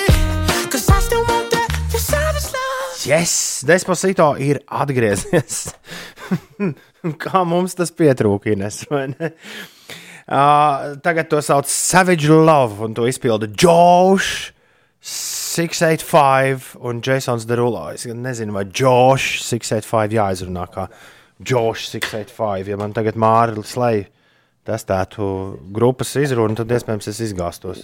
Tas ir kāds jauns censonis. Iepriekš īsti nav dzirdēts. Džošs ar daļu savu telefonu numuru. Ah. Man ļoti šis ir. Viss, kāda jēga skatīties, kā viņi izrunā. Uh, Turmāk vienmēr šis čels būs Džošs ar daļu savu telefonu numuru. Viņa, viņš ir čoms Jasonam Derulo. Tas gan ir kaut kur dzirdēts. Uh, man liekas, ar to pilnīgi pietiek. Uh, jā, šī brīža viens no vislielākajiem grāvējiem TikTokā Ulim kaitinot visas dāmas, kuras dejo pie šī. Jā, Ne, Tu būtu jau labi, ja tikai dāmas. Vai mums arī nesvajadzētu iefilmēt deju pie Džoša ar telefonu? Nē, bet, tāpēc arī šis ir vairāk, ka tas ir nu, it kā, nu, kā laba vairāk video. Tas ir it kā tu, tu nevari novērsties, lai arī besī. Nu, šausmīgi kaitinoši, bet te pašā laikā ne, nav tā, ka es tiktok lietoju baigi daudz. Bet, nu, Man šķiet, ka kaut kādu labu laiciņu jau šis ir, šis ir TikTokā griezies, un nu ir, nu ir arī no TikTok nonācis vispasaules radiostacijās. Latvijas radio 5,5 LV nav izņēmums. Ātri par Anglijas Premjerlīgu. Jā, vairāk klausītāji atsūtīja, ka klausītājs, kurš teica, ka Chelsea sev ir nodrošinājusi trešo vietu, ir alojies. Jā, tā tas tiešām ir. Chelsea nodrošinājusi sev šobrīd pēc uh, 30. Cik tur tam? Viņi ir 36 spēles nospēlējuši, bet uh, United un Leicester tikai 35. Viņi nodrošinājuši principā vienu punktu handikapu. Tādā gadījumā, ja ceturtdien United un Leicester abi savās spēlēs uzvarēs. Tātad uh, ceturtdien Leicester spēlēs pret Sheffield United un Manchester United brauks ciemos pie Crystal Palace. Tā kā jā, Anglijas Premjerlīgā visādas interesantas lietas turpinās. 293, 202, šorīt top 10. mēs vēlamies uzzināt, ko jūs esat atraduši ceļmalā. Gāju pa ceļu, atradu ko. To jūs mums atrakstāt. Un būs top 10 visai drīz. 293, 202, 202. Puķeka, Ziediņš un uh, Grēviņš. Visi kopā. attālināti. Daži attālinātāk, daži netika attālināti. Ne, nu tā kā blakām jārokās sadavušies, neviens no mums nav. Jā. Mēs parasti arī nesēžam rokās sadavušies. Nu, citos rītos. Tā jau tā, jau. Uh, 6 pār 8. Tagad mums ir jānoskaidro, kā tad izskatās šīs dienas. Top 10. Šodien top 10. smuki sapulcējušies desmit jūsu atradumi uh, ceļmalā. Gā, Visur, kur jā, bet pārsvarā ceļmalā. gāju pa ceļu un atradu. Nu, tagad noskaidrosim, ko tad Kaut atradāt. Ko, jā. Desmito vietu ieņem džins ar savu atradumu. Viņš raksta, man ir baiss atradums blakus ceļam, nedaudz iekšā mežā. Tur atradu nesprāgušu otrā pasaules kara lādiņu. Uztaisīju par piemiņu bildes un nodrošu attālumu un zvanīju atbildīgajām iestādēm. Wow! Devītajā vietā ir Ineta. Viņa atrada ļoti labas saules brilles Francijas Pireneju kalnu pilsētiņā pie dzelzceļa stacijas. O, tās tagad būs manas. Ja? Tas ir labs atradums. Jā. Zanai 8. vieta pagājušo nedēļu ve- velo ceļojuma laikā ceļmalā atradām veco plaukstas lieluma digitālo fotoaparātu ādas maciņā ar stiķīti, bet viss bija lietu izmircis un nelietojams. Atstājām turpat. Tā šķaudīja savukārt, nu, tas tur, kurš pazaudēja. Līvai septītā vieta. Viņa raksta, labrīt, manam vīram, manam vīra tēvam ceļā uz laukiem ļoti savajadzējās uz zaļo toleti. Tā nu iegāja ceļmalā mazajā mežiņā, pēc brīdiņa nāca ārā ar motorzāģi. Apkārt neviena, vi, neviena cilvēka aizaudzis mežs. Galvenais, ka zāģis ejoši. Ļoti labi. Sastāvvieta ir Kristiānam. Viņš raksta, gadus piecus vai nu jau sešus atpakaļ, braucot pa šoseju uz basketbola spēli, kur zemes pusē ceļa malā pamanīja portatīviem datoram līdzīgu priekšmetu. Ilgi nedomājot, iebraucu bremzādams pretējā joslā un atpakaļgaitā dzinos pretī pamanītajam. Beigu beigās, jā, tas ir portatīvais dators. Jauns, tā laika tirgus cena virs 1000 eiro. Uh, piemetināšu to, ka dators vēl šodien iet. Jej! Un turpat klāt ir arī Andrejs. Viņš reiz ceļa malā atrada Nokia 5, eh, 5110. Tā pareizi, es nezinu, 51, 10, lai Ir tā pareizi, izrunā. jā. Jā. Sākumā domāju, ka spēļu, jo tajā laikā mobilais telefons bija retums. Bet uh, vēl, vēl paspārdīju, un es nezinu īsti, ko Andrejs ar to iesāka pēc tam. Kristapam piektā vieta. Skolas laikā stopējot uz mājām grāvī atradu hokeja nūju. Nedaudz dīvaini likās, ka tas nebija ziemā. Hokeja nūja joprojām ziemā pilda savu funkciju un nav salauzta. Un mums par to ir liels prieks. Ceturtā vieta ir Oļegam. Pirms sešiem gadiem ceļa malā atradu vairākus blokus ar prezervatīviem, ar beigušos derīguma termiņu. Ai, ai, ai, ai. Tad citu prezervatīvu šajā raidījumā vēl dažas reizes tiks pieminēti. Brīdī? Trešajā pozīcijā Magaivera nazītis. Un pats interesantākais bija tas, ka virsū bija tieši dēla vārds. Un tagad dēlam ir savs nazītis. Pasties, kā var paveikties. Jā, cik jauki. Jā, Jānis vai Andris droši vien. Droši vien, jā. Otrā vietā ir uh, Laurukam un Vadakam.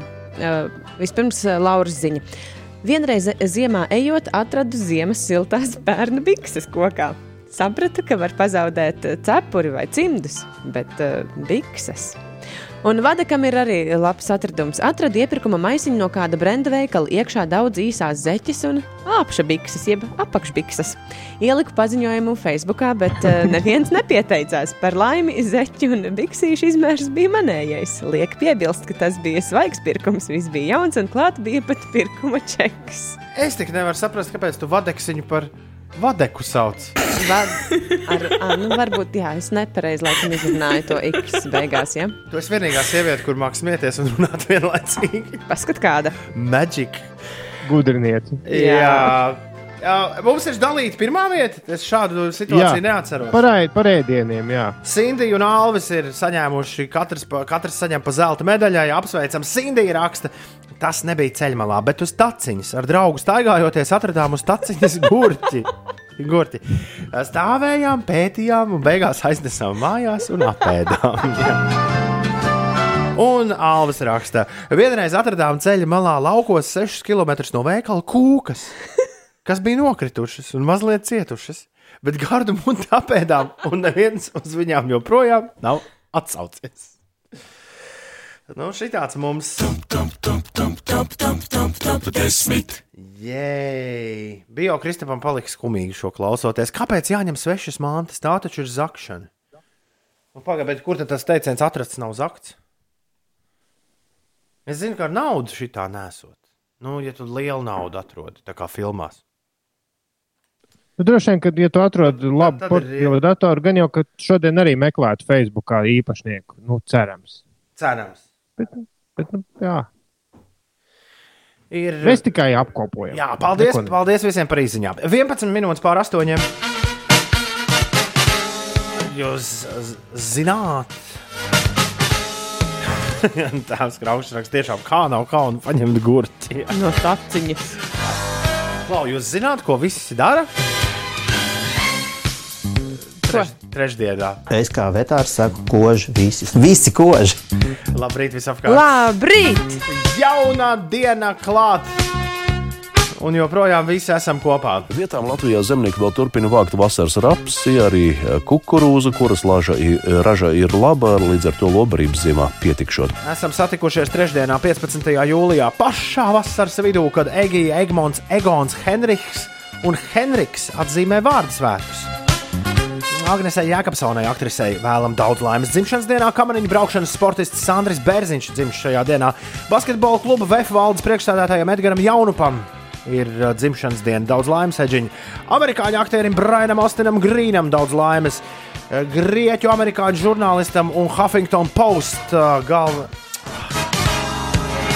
Šis, šis nekad nebeigsies, ja tu neierakstīsi un scenārijā īsto dzimti. Arijānai Huffingtonai aprakstā. Ah!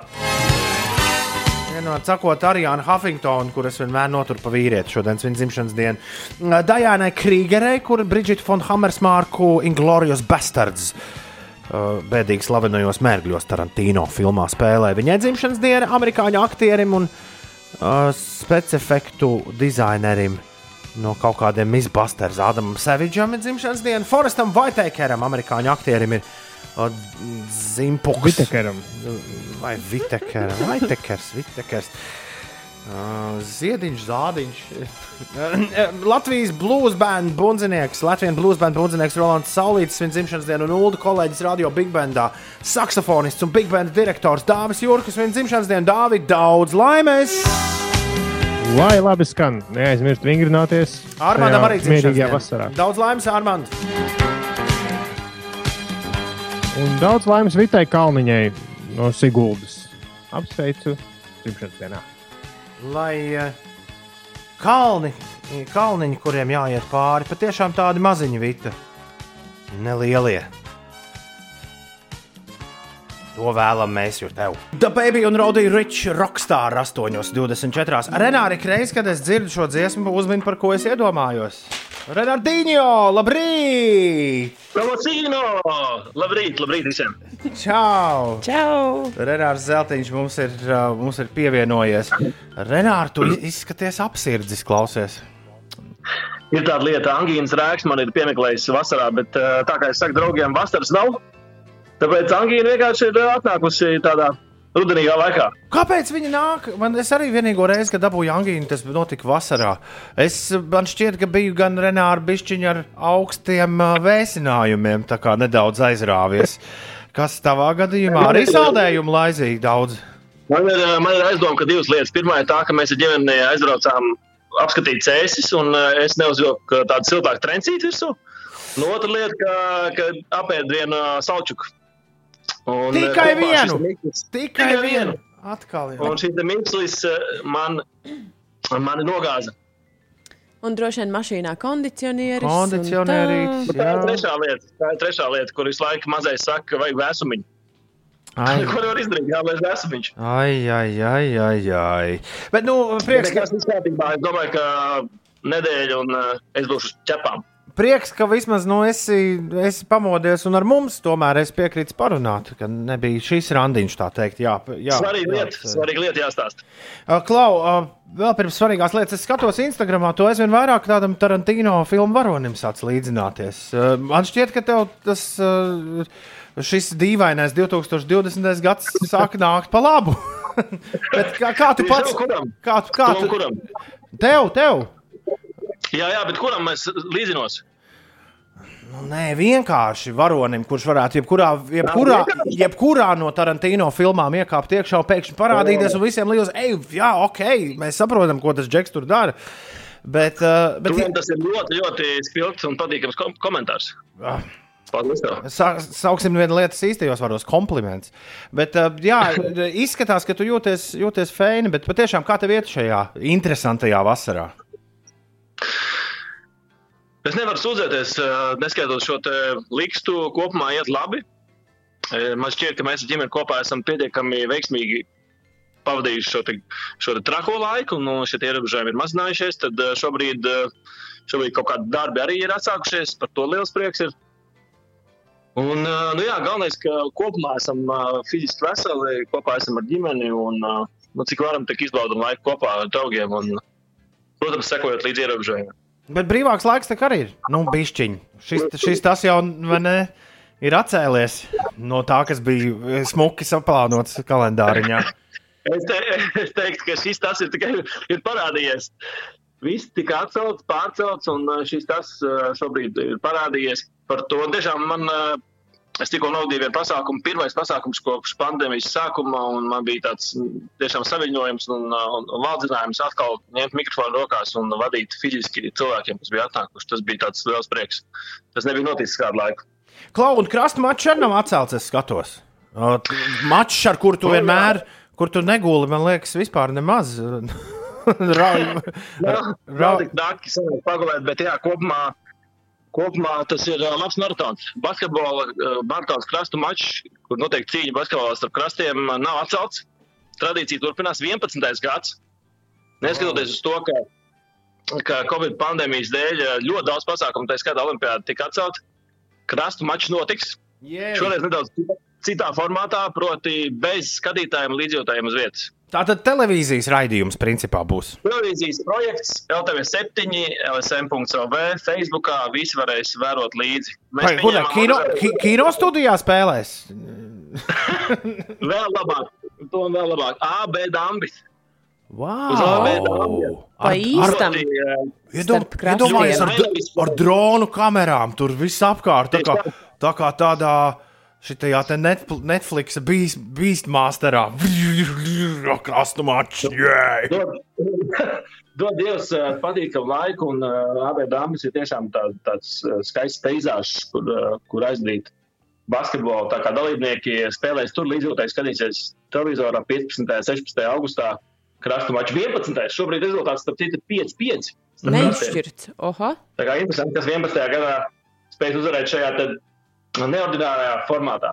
Man silts atmiņas, Renāri, ir uh, tev noteikti arī no bērnības, no streetbola mačiem, kas notika parasti Vērman, Vēr, Jā, jā. Vērmanītī un ap Elizabetes ielu. Un, un, un, nu, varbūt šī nav īstā reize, lai mēs mēģinātu saprast, kur tas pazuda. Bet man, man, man šķiet, ka šis krasta maču turnīrs ir kaut kāds tāds loģisks. Uh, turpinājums. I- Proti, basketbols ienāk pilsētā, viņš to pārņem. Un pasties jau desmit gadus tas ir, tas ir noticis. Uh, Klau, kas jādara čaļiem, kas grib spēlēt? Ir, kaut kāda iespēja arī nu, tikt uz laukumu?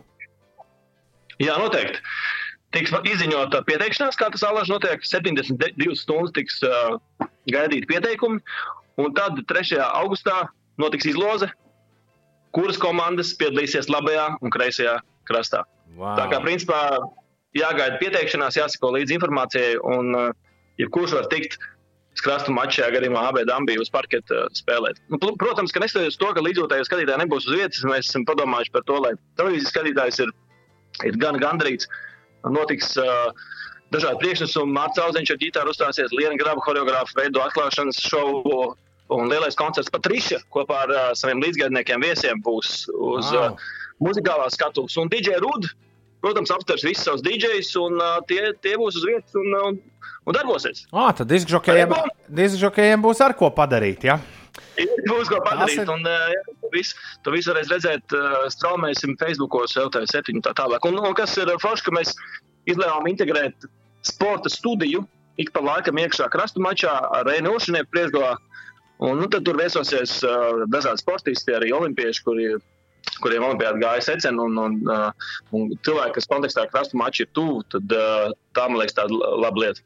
Tu vienmēr esi bijis tuvu krastu mačam. Stāsti, kā tas ir izdevies, ka šobrīd rezultāts ir neizšķirts. Nu, kā tā var būt, ka viens krasts pret otru krastu ir cauri desmit gadiem nospēlējis 5 pret 5? Un kā šito var samēstarot? Kur, ir tā viltība? Jā, man ir tāds ņūks, ka kāds tur smaucās. ka Viņi tur sarunā, pagaidām rezultāts ir ā, 4-3. Tā ir zaudējumi. Tas, ka tas zaudē, lai būtu neizšķirts. Bet, ja nopietni, tad man liekas, tas, tā intriga jau ir fifīga. Un, uh, tas ir forši, ka šobrīd ir 5-5, un lai tā turpinās, uh, nu, krastu mačs ir Alaž bijis uh, desmit gadu laikā audzis, un Alaž bijis viens no skatītākajiem un apmeklētākajiem pasākumiem Rīgas svētku ietvaros. Rīgas svētki šogad noteikti arī notiks tādā nu, pilnīgi citā formātā, līdzīgi kā krastu mačs. Mums jāpielāgojas un uh, nu, jābauda tas un gan kā organizatoriem, gan kā skatītājiem citādāk. Viktors prasa, tur baigi labi jāspēlē, lai pieteiktos. Nu, tā nu, jau tādā gandrīz pro līmenī jārauj.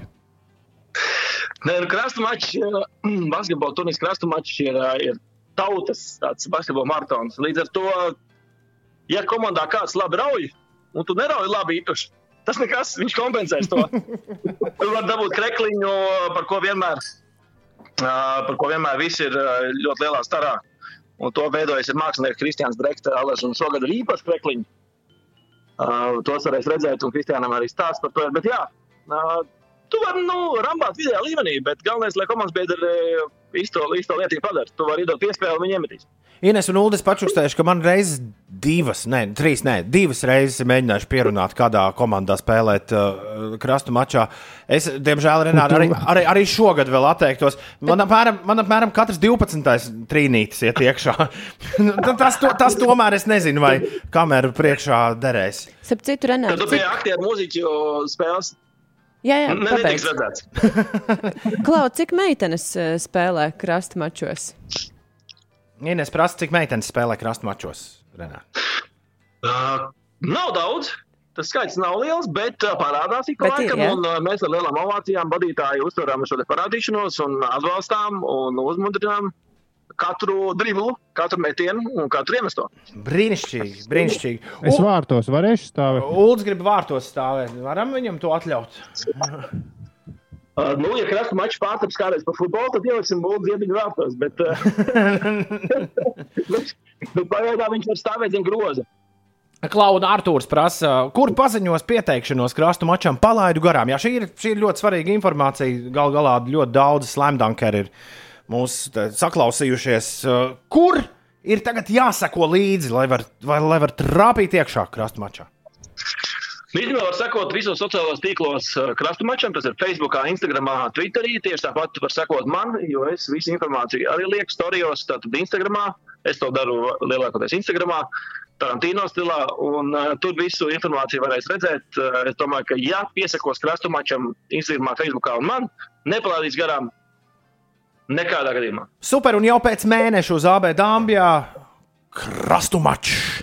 Zeltiņš un dēli. visi, visi kopā. Renāri veseļojies! Renāri Paldies! veseļojies! paldies, Piedalāties! man Man ir- ir krastu mačā!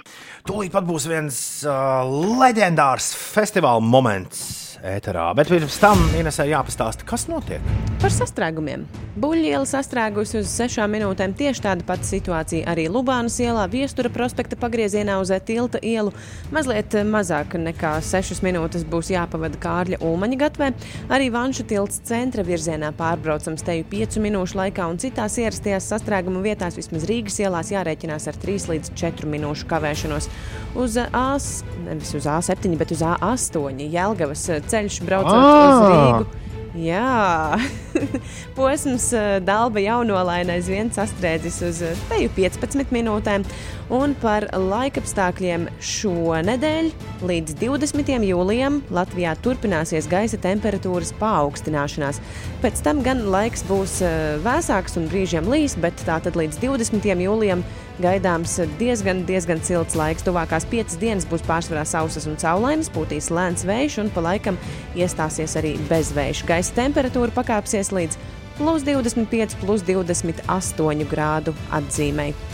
Tas par laika apstākļiem. Tuvākajās dienās savukārt jau šī diena būs viena no siltākajām. Šī būs siltākā diena kopš 2. jūlija. Šodien gaisa sasils līdz plus 20, plus 25 grādiem. Sauss, saulains, mazliet mākoņains laiks, bet uh, forši. Jā, jā, forši, forši! 8,41 pēc nedēļas un vienas dienas sāksies festivāls. We got one more song for you guys.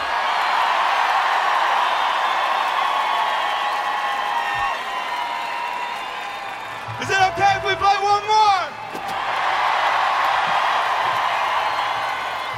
Latvia, from the bottom of our hearts, thank you so much for being so warm and welcoming and loving. I, uh,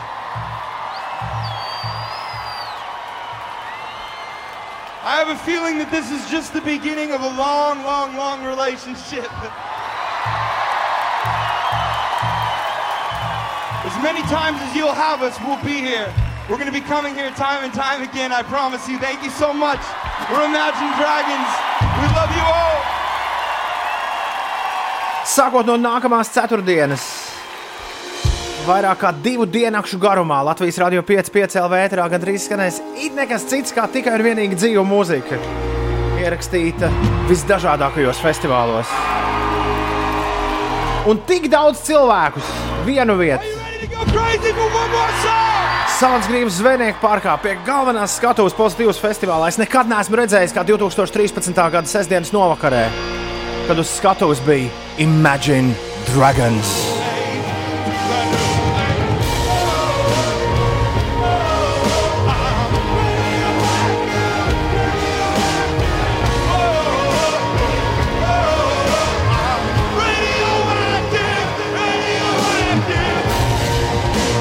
Šis Imagine Dragons koncerts bija kosmoss, raksta Evija.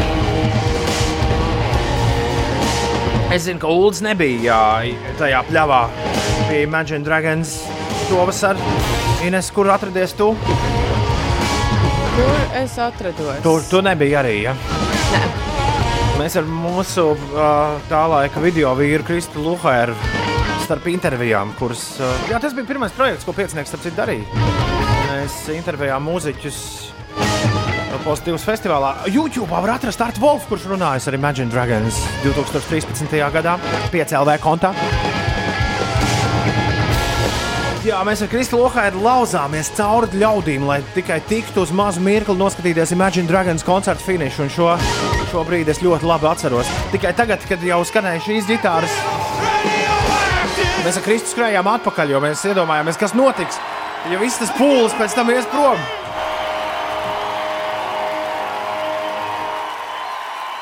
Pozitīvs festivāls 2013. gads, Radioactive un Imagine Dragons. Un sākot no nākamās ceturtdienas vakara, kārtīgs festivāls šeit, Latvijas Radio 5, 5 LV ēterā. Nora raksta, skudriņas skrien, gribu festivālus. Un uh, Heimā Gunčs raksta, es biju arī tajā Imagine Dragons koncertā un noķēru bungu vālīti. Wow! Juhu! Un bija jau Kristaps ir vienīgais, kurš darbiņu iepilina mūsu festivāla medus muciņā. Viņš raksta, kas cilvēkiem patīk tajos koncertu ierakstos. Es saprotu, ja pats tu tur esi bijis, bet savādāk skaņa kā pat 3 eiro mikrofonu ierakstīt. Uh, bija jau Kristap, mūsu festivālā galvenokārt skanēs to grupu dzīvi ieraksti, kuru koncertus ir redzējuši un klāt tajos bijuši tūkstošiem mūsu klausītāju. Es domāju, ka mm, 2020. gadā patiešām, ja pats tur esi bijis, ir bijis Kristapa atslēgas vārds. Un atslēgas frāze drīzāk. Jo, nu jā, mūsdienu vizuālajā pasaulē diez vai, vai ir iespējams tādas situācijas, kā Kā es atceros savā bērnībā, kad es sēdu, klausies kādu festivāla translāciju ārzemju radio un domāju, oh, kā es tur esmu klāt un atrodos un kas un kā tur notiek. Bet, bet, bet jā, daudziem ir šādā veidā iespēja uzsist pat tā teikt atmiņu pogu. Un ko citu mums darīt vasarā, kad festivāls visi ir izslēguši? Ir bez desmit minūtēm deviņi. Ja kāds no jums vēlas dzirdēt Imagine Dragons, jo es pagaidām esmu redzējis, ko Ulus un Ines ir izvēlējušies, un es zinu, ko es esmu izvēlējies, kā koncertus, kas skanēs mūsu festivālā. Bet, eh, ja kāds vēlas dzirdēt Imagine Dragons no A līdz Z, tad jums ir jāatraksta e-pasts uz festivāls at5LV, pierakstot ar burtiem.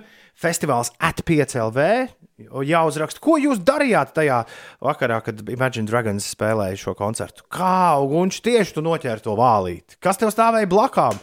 Vai tu ar kādu aprunājies arī koncerta laikā? Kāds bija galvenie saukļi, ko ļaudis kliedz? Ar ko iepazinies? Mm -hmm. Mēs to visu vēlamies dzirdēt. Tad, tad uh, tu vari pieteikt arī savu koncertu mūsu festivālam, bet klāt ir jāpieliek maziņš stāstīns, kas un kā tur notika. Festivāls at5LV un sākot no nākamās ceturtdienas vakara līdz pat uh, svētdienas agram rītam koncerta ieraksti dārdēs šeit, Latvijas Radio 5, 5 LV ēterā. Labrīt,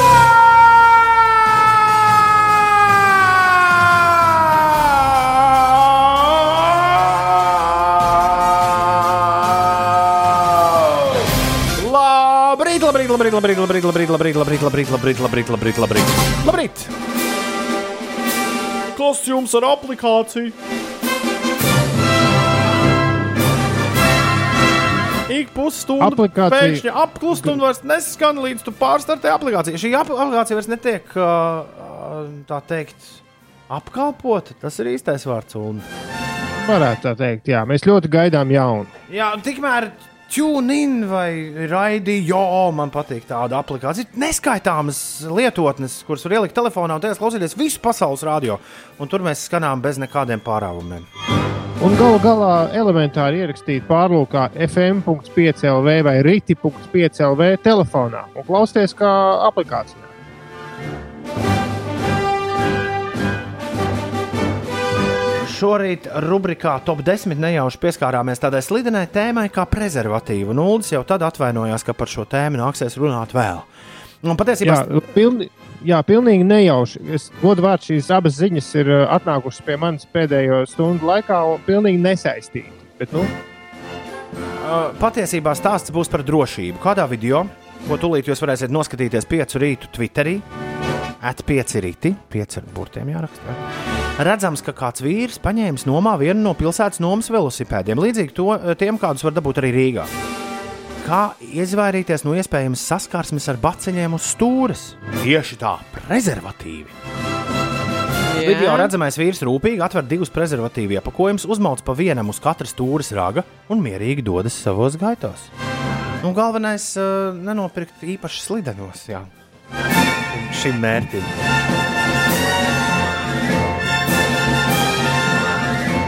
Arī nākamā ziņa pilnīgi nejauša. arī cimdus. Arī nākamā ziņa pilnīgi nejauša un nesaistīta gadījusies par to pašu par prezervatīviem. Ļoti nejauši. šis nav interesants. Šis ir prežu ziņas. Nu, es atvainojos, bet citas nebija. Nu, tikai par vīrusu bija. Kanādā. Mississauga pilsētā netālu no Toronto 13. jūlijā par veselu noziedzīgu nodarījumu sēriju aizturēts kāds 74 gadus vecs vīrs vārdā Pīters Melegos. Viņam 18. septembrī būs jāstājas arī tiesas priekšā. Policija stāsta, ka pagaidām atklāti vismaz 11 gadījumi, kad kungs piesējis pie stāvvietas atstātām automašīnām prezervatīvus. Turklāt noziegumu skaits varētu pieaugt, ja pēc ziņas nonākšanas ne, Latvijas radio 5,5 LV ēterā Jā. pieteiksies arī citi upuri. Kāpēc tāda, viņš sēž pie spoguļiem, pie rokturiem un uh, nu, viss kaut kur. kāpēc tāda bardzība par šķietam nevainīgo jociņu? Izrādās, ka atšķirībā no tā kunga, kas minētos izstrādājumus izņēma no iepakojuma un uzmauca uz riteņa ragiem, kanādiešu palaidnis izmantoja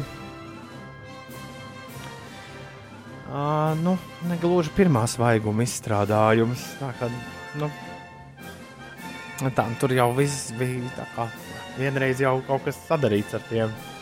Mēs neiesakām šo atkārtot, bet 74 gadu vecumā Uldī. Kāda vaina? Ko tu gribi Ši- šim stā- uzdziedāt viņam dziesmu un aplausu? šim, ne, šim stāstam ir arī gaišā puse. Tas ir tas, ko es gribu teikt. Vecais joks plēsējs. Jā, vecais nebēdnieks bliež vaļā. Tādas lūk, mums ir interesantas ziņas šodien. Lielu naudu! Ceļojumiem, Vienmēr liekas, ka viņi par lielmaņiem dziedās. Es taču neesmu sajaucis, Ulu un Inês bija vēsturē tādi, vai ne?